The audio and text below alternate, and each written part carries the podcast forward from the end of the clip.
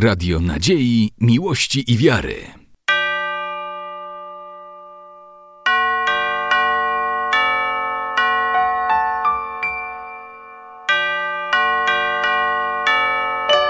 Radio Ortodoksja.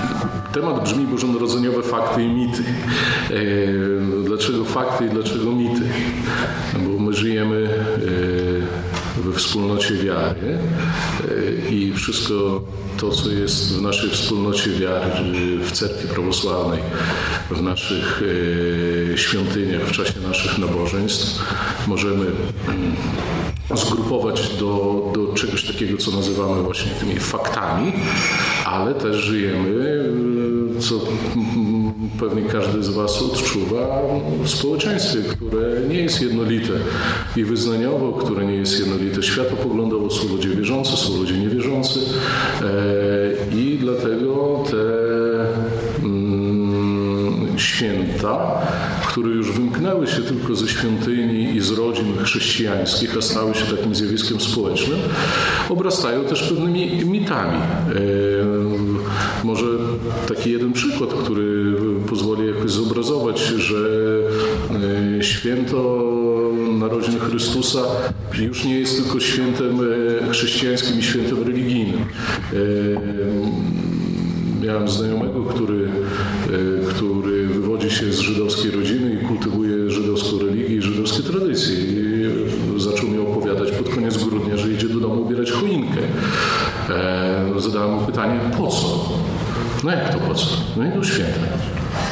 No, w kontekście religijnym, w Starym Testamencie i w kontekście religii świętowanie narodzin tego akurat Mesjasza, którego nie uznali, jest dyskusyjne, ale on nie traktuje tego jako święto religijnego, on to traktuje jako święto, e, jako wydarzenie społeczne, jako pewien taki okres w kalendarzu, gdzie wszyscy to robią, więc e, więc i dlaczego on nie może tego robić? Pozbawiony e, elementu religijnego, te dni są też pewne, pełne różnych ważnych wydarzeń. Ludzie ubierają choinki, dają sobie prezenty, yy, spożywają jakąś wigilię, tak? zajmują się yy, no, spędzaniem czasu wspólnie za stołem yy, i to jest pewna kategoria taka społeczna świętowanie.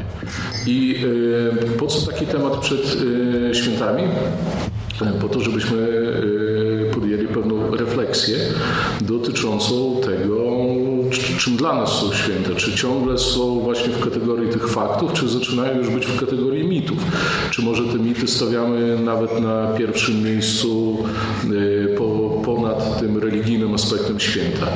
Y, to jeden taki powód, a drugi powód Pierwszy powód niektórzy nazywają komercjalizacją świąt, to tak jeszcze na marginesie, prawda?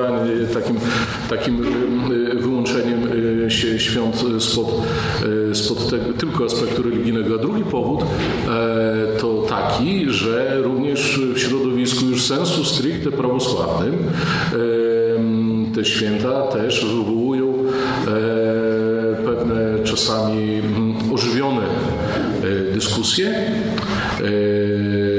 związane, szczególnie w naszej cerkwi, z terminem świętowania e, tych świąt, czy jakby e, możliwością takiego swobodnego, swobodnego ich e, przeżywania w kategorii dni wolnych od zajęć, czy dni wolnych z pracy. I mm, może krótko najpierw o tym drugim, bo z tego drugiego mm, wyłoni się to, co, o czym mówiłem na początku. Nie wiem, czy zwróciliście uwagę, ale jest czasami takie święte, święte oburzenie niektórych osób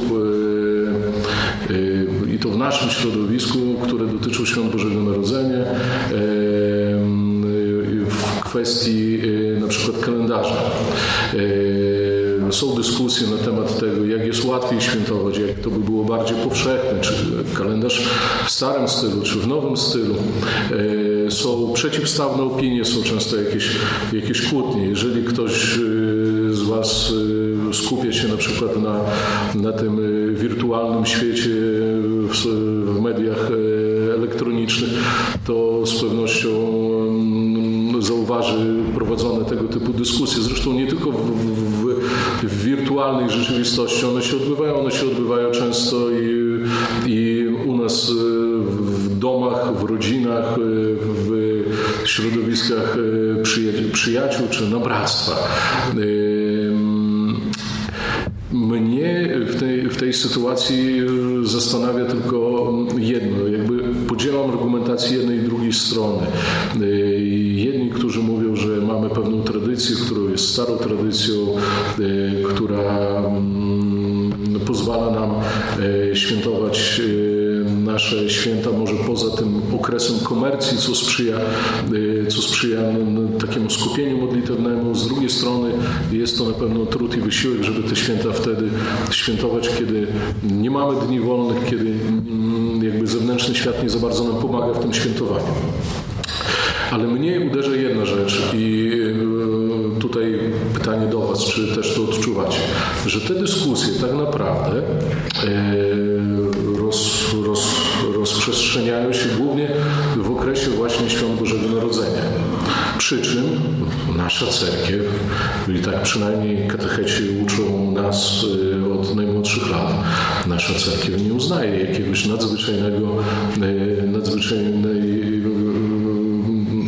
rangi świąt narodzin Chrystusa w stosunku do innych świąt z cyklu 12 Wielkich Świąt, czy święta Paschy. Wręcz przeciwnie, to święto Paschy zawsze jest kulminacją.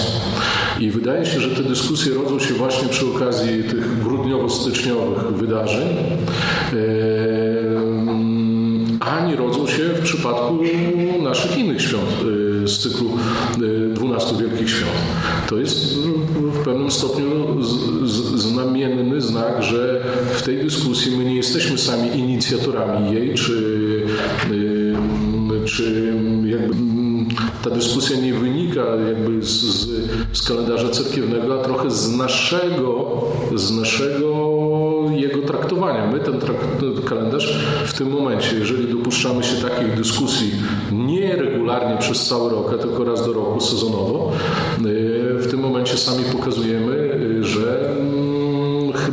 niż inne święta i bardziej niż regularny, regularny jakiś kontakt z cerkwią i życie kalendarzem liturgicznym, skupiamy się na takim jednorazowym wydarzeniu. To nie znaczy, że święto Bożego Narodzenia, absolutnie proszę mnie nie źle nie zrozumieć, nie są ważne, czy yy, tylko ten argument, który jest teraz przytaczany i toczył się jakieś tam dyskusje, równie dobrze mógłby być y, podejmowany przy okazji święta przemienienia pańskiego 6 y, lub 19 sierpnia, tak? Czy zwiastowania Bogu Rodzicy, czy zaśnięcia Bogu Rodzicy, czy wszystkich innych świąt. I to jest trochę takie świadectwo tego, że jednak te mity wchodzą również i w nasze życie. Bo jednym z takich starych mitów bożonarodzeniowych, w ogóle dotyczących świąt Bożego Narodzenia, jest to, że to jest no, najważniejsze prawie, że święto. Nawet pewne mądre głowy przed paroma laty w telewizji, pamiętam, był taki, y, była taka ankieta społeczna, gdzie pytano się ludzi, które święto jest ważniejsze, Boże Narodzenie czy Wielkanoc. Y, z perspektywy wiernych prawosławnych my powinniśmy mieć wypracowane już dawno swoje, swoje zdanie i trwać wytrwale przy tym, że dla nas wszystkie święta związane z Chrystusem są tak samo ważne, ale cerkiew jako koronę wszystkich świąt ustanowiła Paschę Chrystusową, więc dyskusja o wyższości świąt Bożego Narodzenia nad świętami Wielkanocy raczej nie powinna, nie powinna nas zbytnio frapować. My powinniśmy, tak jak mówiłem, mieć wypracowane swoje własne zdanie oparte o, o zdanie cerkwi, o wzór cerkwi. I y, tutaj y, chyba sprawdza się to, że mm, taka prawda, że to, co my bardzo często słyszymy, czym jesteśmy otaczani, trochę bombardowani, to z czasem wkrada się również i w nasze serce. Wystarczy pooglądać jakieś tam seriale, mm, poczytać e, gazety, posłuchać radia, żeby, żeby wydawać by się nam mogło, że pewne elementy w tych świętach są niezwykle istotne e, ponad, ponad wszystko. I mm, właśnie, już przechodząc tak sensu stricte do faktów, żeby, e, do faktów i mitów, żeby nie przedłużać. E, pojawiają się takie tendencje, żeby sprowadzić te święto jakoś jakimiś drogami ograniczyć się do różnych kwestii. Pierwsza kwestia to jest taka, żeby ograniczyć je do samej Wigilii. Mm, nie wiem, czy na to zwracaliście uwagę, ale ta Wigilia zaczyna, e, zaczyna zajmować miejsce samego święta, zaczyna wchodzić na, na, miejsce, na miejsce świąteczne. E, jeżeli właśnie znów ktoś jest pasjonatem e, mediów i ogląda często telewizję, i to niekoniecznie tylko u źródeł wiary, ale ogólnie na przykład seriale, filmy, no to spotyka takie obrazy, gdzie ludzie składają sobie życzenia, szykują się, spotykają się przy wigilijnym stole, jest nastrojowa atmosfera, płonie choinka i e, składają sobie życzenia i w zasadzie atmosfera świąteczna na tym się kończy. Oczywiście nikt dalej nie pokazuje, żeby ludzie się do czegoś przygotowywali, czy to do pasterki, czy to do wyjścia do cerkwi, absolutnie. No już jest e, pełne spełnienie. Jest oczekiwanie, jest gwiazdka i są prezenty i jest wszystko, jest, jest po wszystkim. Tak? I najważniejszy aspekt tej Wigilii to, żeby nikt nie był tej, tego wieczoru sam. No piękny obrazek, tylko znów zestawmy to ze świętem Bożego Narodzenia i sprawdźmy, czy jest z kategorii faktów, czy z kategorii mitów, tak? Czy, czy o tym na pewno nam mówi cerkiew w, tym dniu, czy może mówi o czymś innym. Eee, Wigilia w tradycji cerkiewnej, zresztą samo słowo Wigilia, nawet w słowniku języka polskiego, to jest pewna wieczerza, pewien wieczór poprzedzający, tak? No, tak, tak to weszło do, do, tradycji.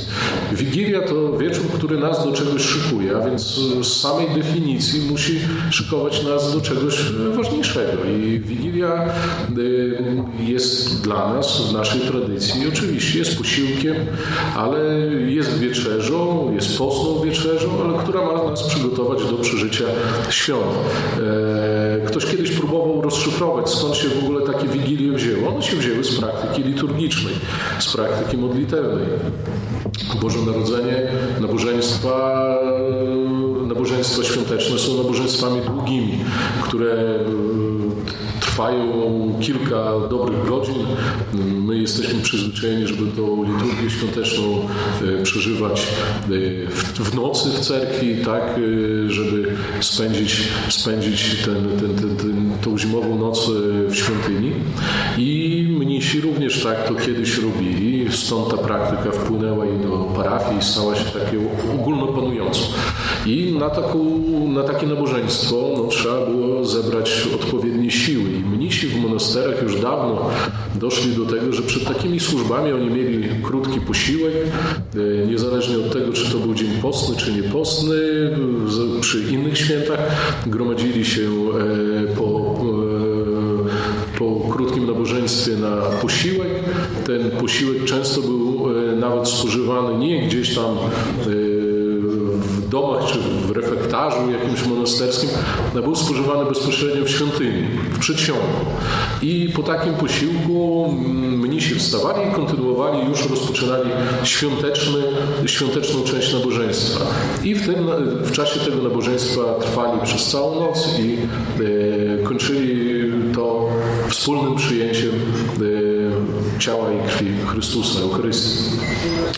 E, na, na tego typu posiłki przygotowywano specjalne potrawy i stąd w, w naszej tradycji bardzo często są, e, są takie słodkie bomby, takie snickersiki e, z historii, jak koliwo, czy kutia, czy różne tego typu odmiany potraw.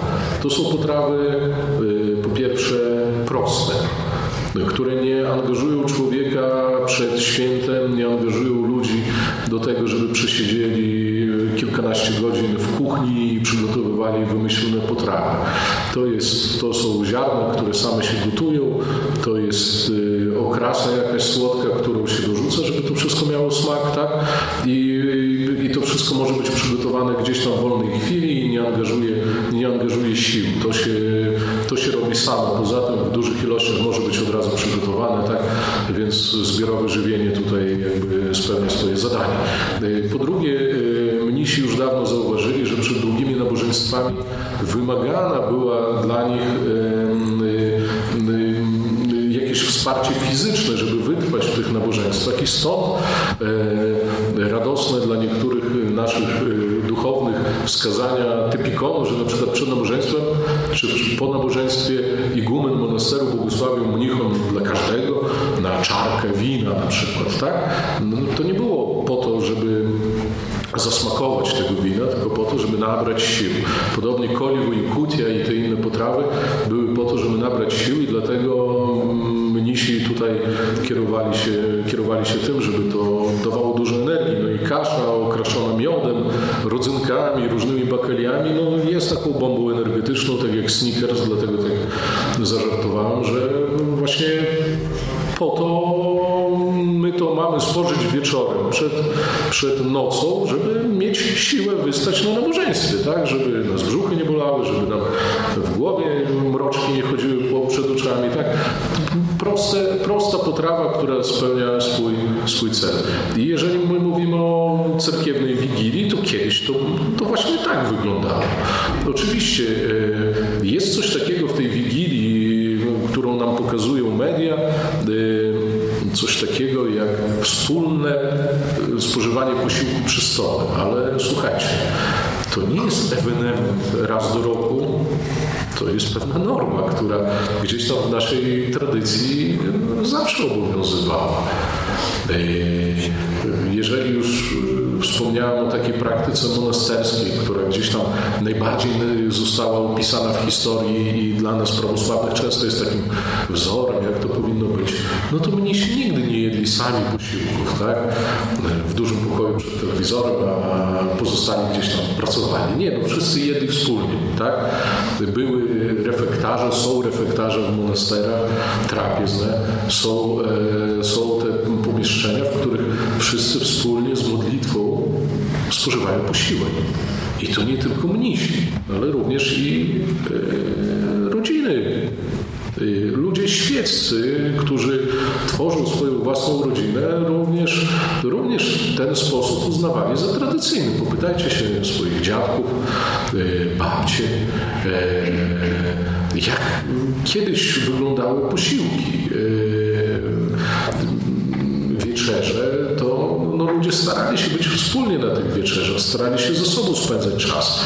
I ten posiłek rozpoczynał się modlitwą, kończył się modlitwą była pewna norma. To, że my patrzymy już teraz na Wigilię jako na taki jedyny ewenement w roku, to trochę świadczy o tym, że nawet taki prosty, taki prosty model e, życia rodzinnego, jak wspólne posiłki, stają się dla nas e, nie normą, a pewnym takim wyjątkiem. I to jest, to, to, to też troszeczkę powinno nas pobudzić jakby do, do, do, do, takiego zastanawiania się, e, czy aby na pewno, aby na, na pewno mm, w tym zachowaniu różnych naszych tradycji, obrzędów, czy na pewno zawsze zachowujemy te najlepsze, czy czasami paru ważnych i dobrych y, zwyczajów y, nie zgubiliśmy po drodze.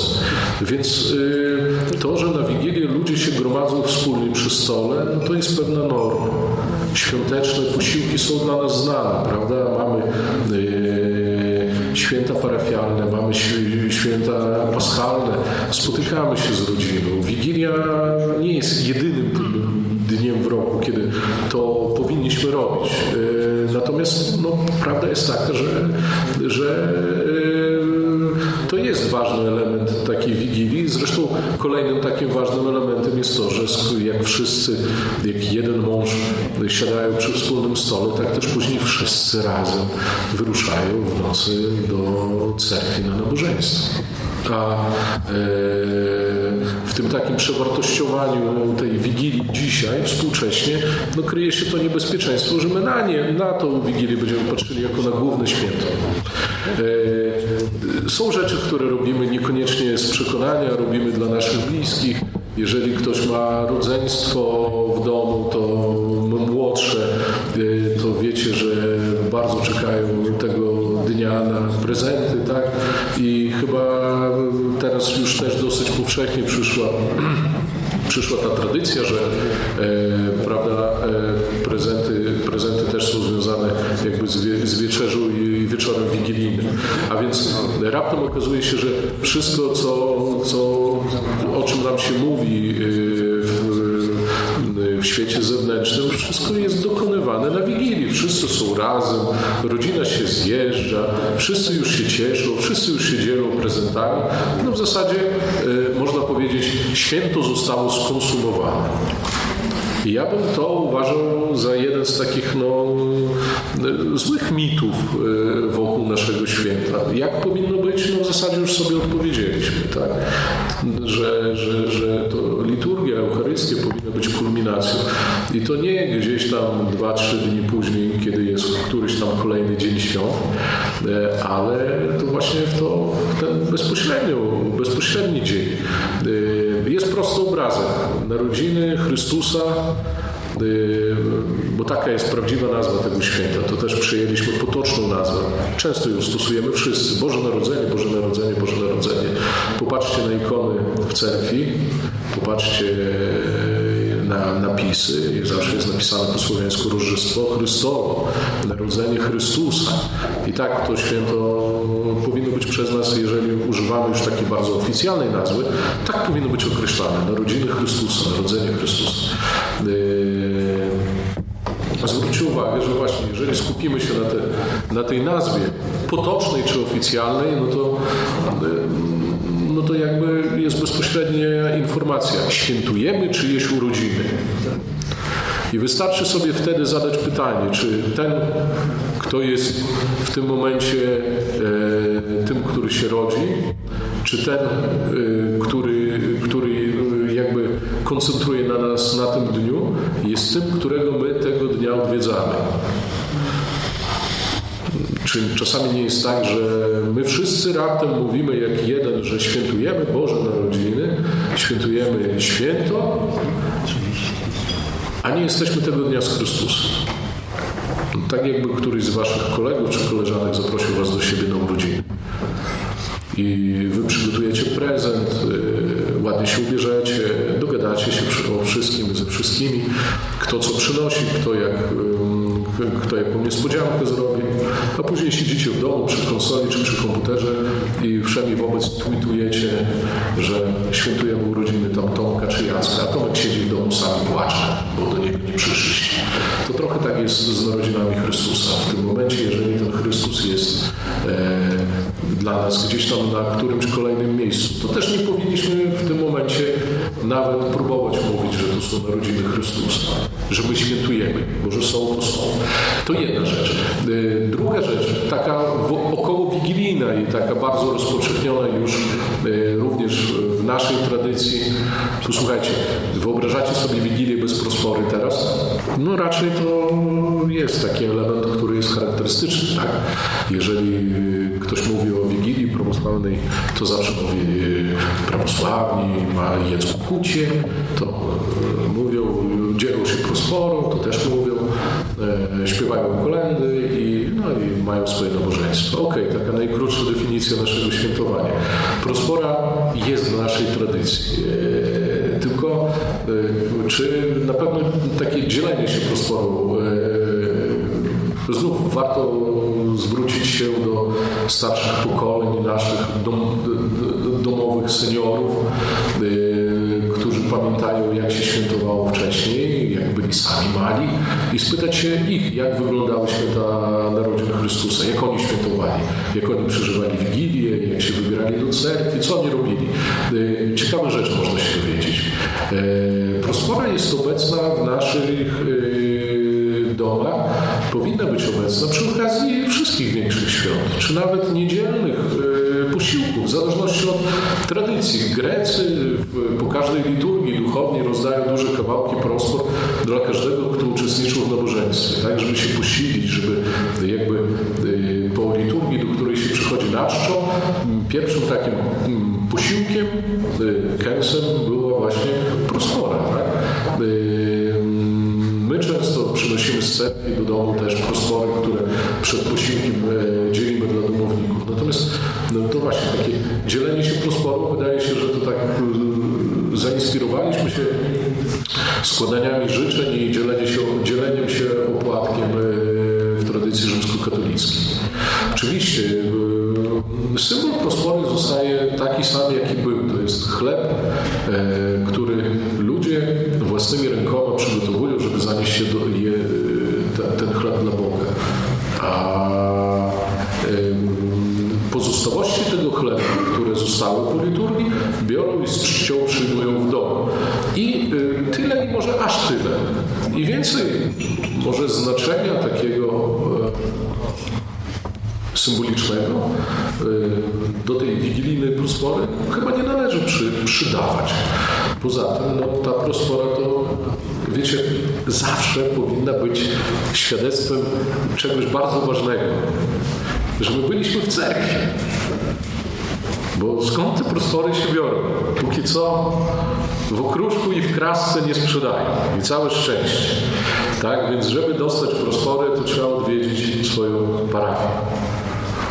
Ale te prostory też się nie biorą same z siebie i nie są rozdawane same z siebie, choć my często tak się przyzwyczailiśmy, bo prospory, y, o prospory prosimy y, na przykład razem ze świeczkami, czy tam, y, czy w momencie, kiedy, kiedy składamy naszą zapiskę tak, za zdrowie, czy za pokoju, to wtedy, to wtedy jakby prosimy, prosimy również o prosforę.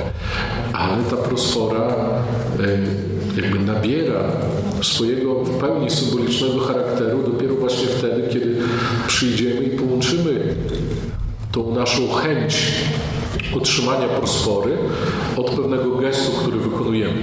Bo prospora tak naprawdę to chleb, który ludzie przynosili po to, żeby duchowny na tym chlebie sprawował Eucharystię. I kiedyś było tak, że każdy człowiek, starał się przynieść jakiś dar dla Boga. I na Eucharystię, na, na liturgię, tym darem było albo chleb, albo wino, albo olej. I każdy przynosił, diakoni to przyjmowali, było specjalne pomieszczenie, tam, tam to wszystko składali, najlepszy chleb, najlepsze wino zabierali, y, żeby przygotować z tego dary eucharystyczne, przygotować z tego liturgię. Ale każdy człowiek czuł, że na tą liturgię, na to wspólne nabożeństwo, on jakąś cząstkę od siebie przyniósł. Tak? I to była ta właśnie prospora, ten chleb, który wypiekał. To było dawno temu. Później te prospory zaczęli wypiekać mnisi duchowni w parafiach i my wierni w zasadzie już nie możemy teraz przynieść swoich prospor do cerkwi. Ale zamiast tego pojawiła się pewna, pewne dwie ofiary. Pojawiła się świeca jako nasza ofiara, żebyśmy z pustymi rękoma nie przyszli do Boga. A po drugie pojawiła się karteczka. I ta karteczka y, kiedyś była ustnie wypowiedzianą prośbą. Bo kiedy człowiek przynosił swój chleb i wino do cerkwi, dawał do diakona i diakon y, te chleby i wino niósł do ołtarza, do prezbiterium, y, to w trakcie niesienia tych darów wierni przypominali dla diakona, z jaką intencją, z jaką prośbą przynieśli te chleby. I kiedy diakon szedł, niósł na diskosie chleb, w kielichu niósł e, zmieszane z wodą wino, to ludzie mówili mu po cichu, wspomnij Panie mnie grzesznego, wspomnij Panie moją chorą ciocię, wspomnij Panie mojego zmarłego wujka i tak dalej, i tak dalej. I to wszystko, co kiedyś było w formie ustnej, teraz przeszło w formie pisemnej, ale intencja jest ta sama. My bardzo chcemy, żeby przy tych darach eucharystycznych duchowny się pomodlił. I dlatego przynosimy karteczkę. A prospory, które, które otrzymujemy później z cerkwi, są świadectwem tego, są jakby dowodem, pieczęcią na to, że ta modlitwa za naszych bliskich została zrealizowana w cerkwi. Bo duchowny nie oddaje wam całej prospory. Zwróćcie na to uwagę, tak? Zawsze, zawsze na tej prosporze są jakieś skazy, dziurki, tak? Są wyjęte cząsteczki. Ta prospora służyła na liturgii, była częścią liturgii. I dlatego my ją zabieramy po liturgii domu i możemy tą, tą prosforę przekazać dla tych chorych, za których się modliliśmy, albo spożyć ją wspólnie z naszymi domownikami. I taki symbol prosfora powinna mieć również i na wieczerzy wigilijnej.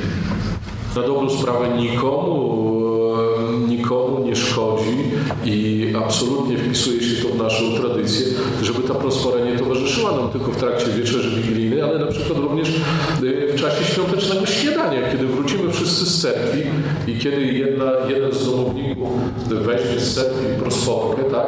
I wspólny swój świąteczny już posiłek rozpoczniemy od modlitwy i od, i od spożycia tej prospory, tak? Więc tu również nie trzeba tak kurczowo trzymać się tylko takich e, prostych, prostych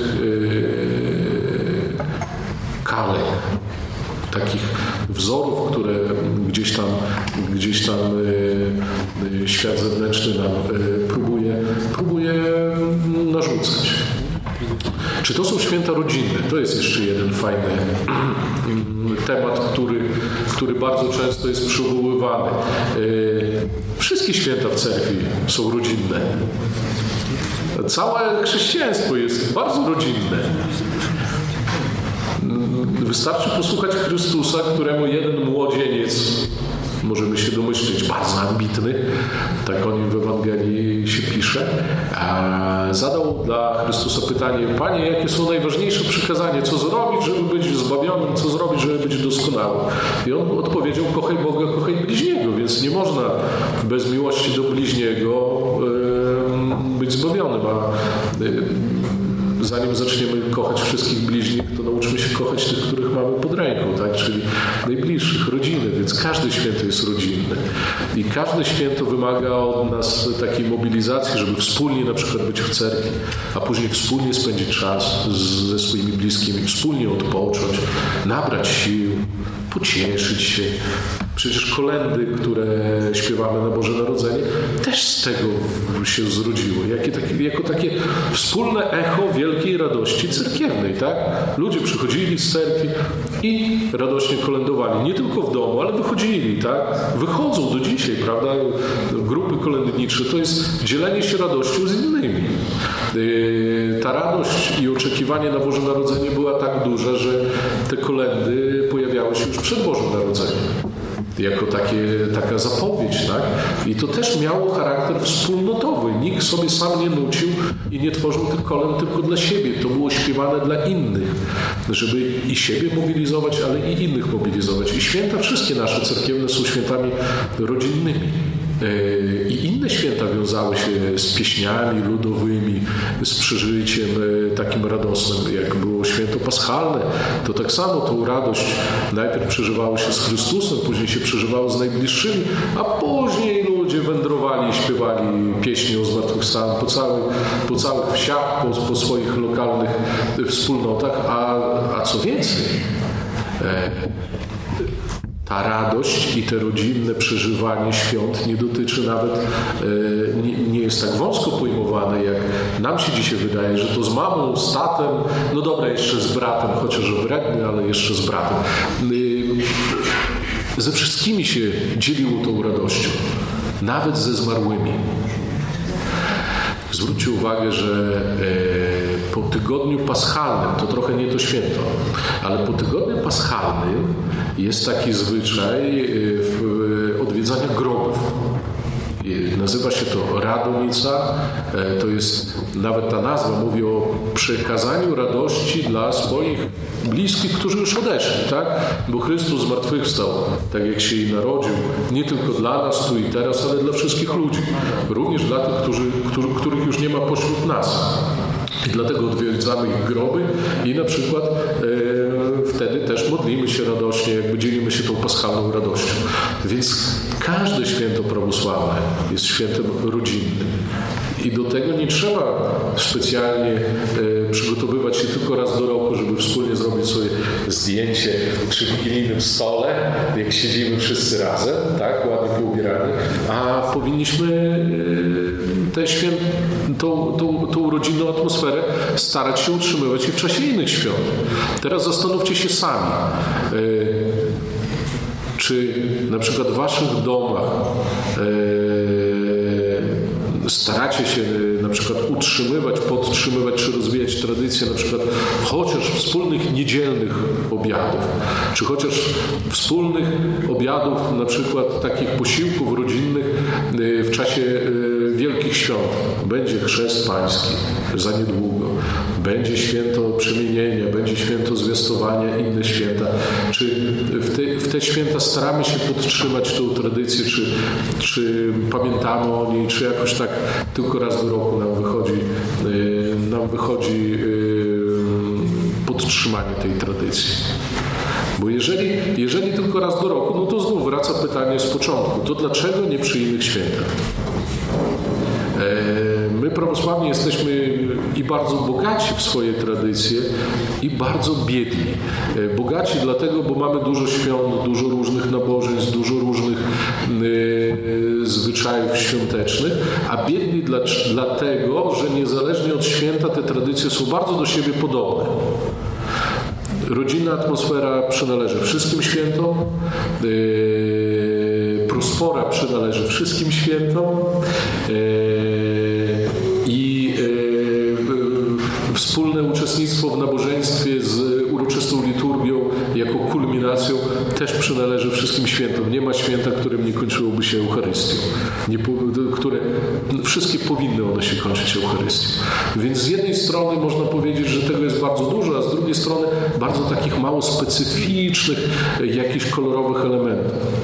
Y, trochę czasami zazdrościmy takiej prostoty w kościele katolickim, bo oni mają nabożeństwo, nabożeństwo, nabożeństwo przez 360 parę dni w roku, a raz do roku mają pasterkę. A my nie mamy pasterki. My tak jak mamy cały rok liturgię, tak i w nocy yy, Narodzenia Chrystusa też mamy liturgię, tak? Oczywiście, jeżeli ktoś ją nazwie pasterką, no tej nazwy nigdzie nie spotykamy w cerkwi, ale też grzechu nie będzie. Natomiast yy, w ten sposób yy, my jakby cerkiew nam pokazuje, że yy, nie jest taką zasługą czy naszym osiągnięciem to, że raz do roku poderwiemy się i starać robić wszystko jak najlepiej, tylko chyba to jest taka sugestia, żeby i w inne dni świąteczne też w podobny sposób się zachowywać, że to jest taka motywacja nie tylko na raz do roku, ale na, na, na, na znacznie częściej.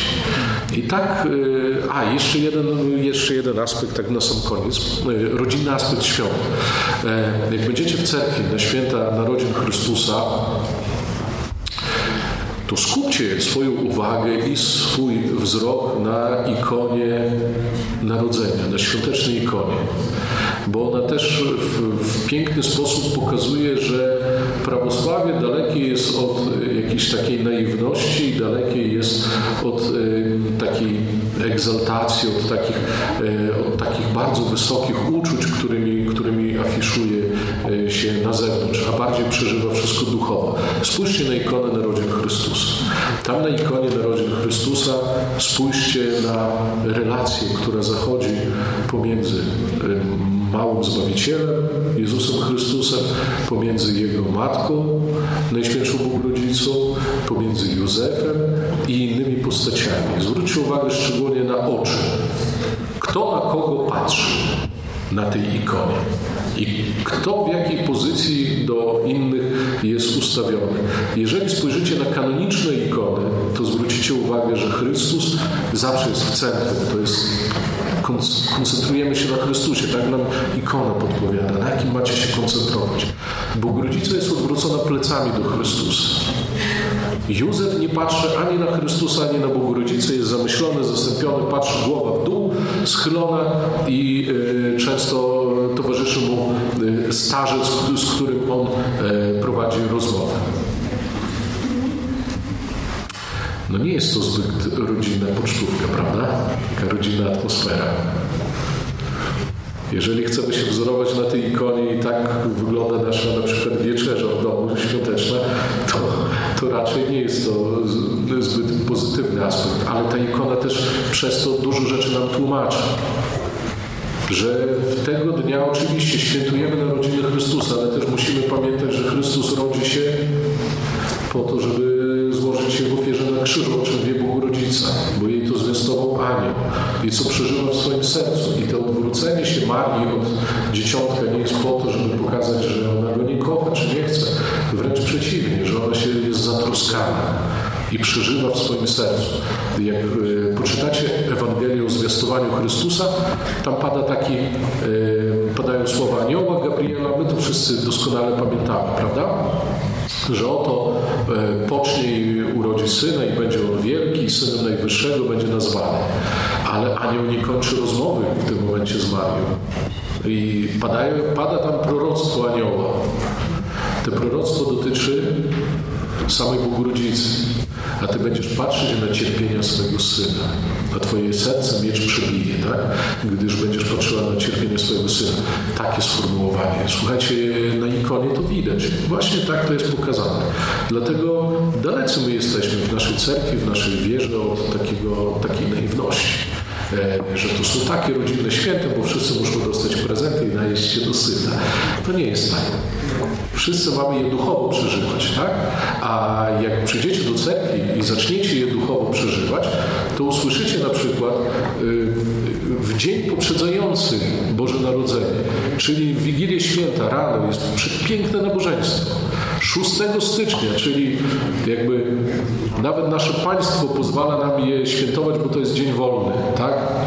6 stycznia jest y, Wigilia Suczelnik y, Narodzenia i rano jest przepiękne nabożeństwo, gdzie przywoływane są proroctwa dotyczące narodzin Chrystusa.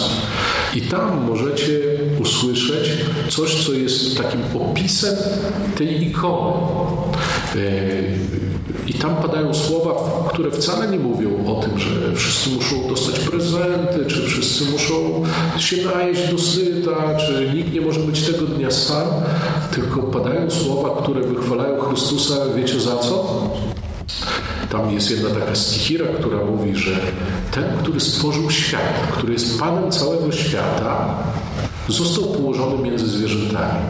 Ten, który będzie sądził cały świat, jest skazany na łaskę betlejemskich pasterzy. Tak? Ten, który y, wszystko potrafił y, zrobić i stworzył światłość na świecie, jest oświetlany tylko przez jedyną małą gwiazdkę. Tego typu obrazy. I cerkwi naszej, y, to za apostołem Pawłem, taka nauka nosi nazwę nauki o kenozie Chrystusa, czyli nauce o takim ogołoceniu się Chrystusa. Co to znaczy to ogołocenie? Chrystus tak umiłował świat, że stał się człowiekiem, czyli jakby dopuszcza do tego, żeby żyć człowiek, być w pełni człowiekiem, tak? Czyli z tej doskonałej wysokości, gdzie wszystko tworzył, stał się raptem e, jednym z najsłabszych. Tak? I, I to wychwala cerkiew tak naprawdę w Boże Narodzenie. Tak? Tą taką mistyczną, mistyczną, mistyczny dowód miłości Chrystusa do ludzi. No ja myślę, że jeżeli my chcemy świętować Boże Narodzenie tak faktycznie, tak, tak jak cerkiew jakby nas e, uczy tymi swoimi tekstami, tradycjami, postem, no to dobrze, żeby to było naszą świąteczną refleksją. Może jedną z wielu, ale żeby, żeby ta refleksja też była, żeby nie koncentrować się tylko na komercji. Radio Nadziei, Miłości i Wiary.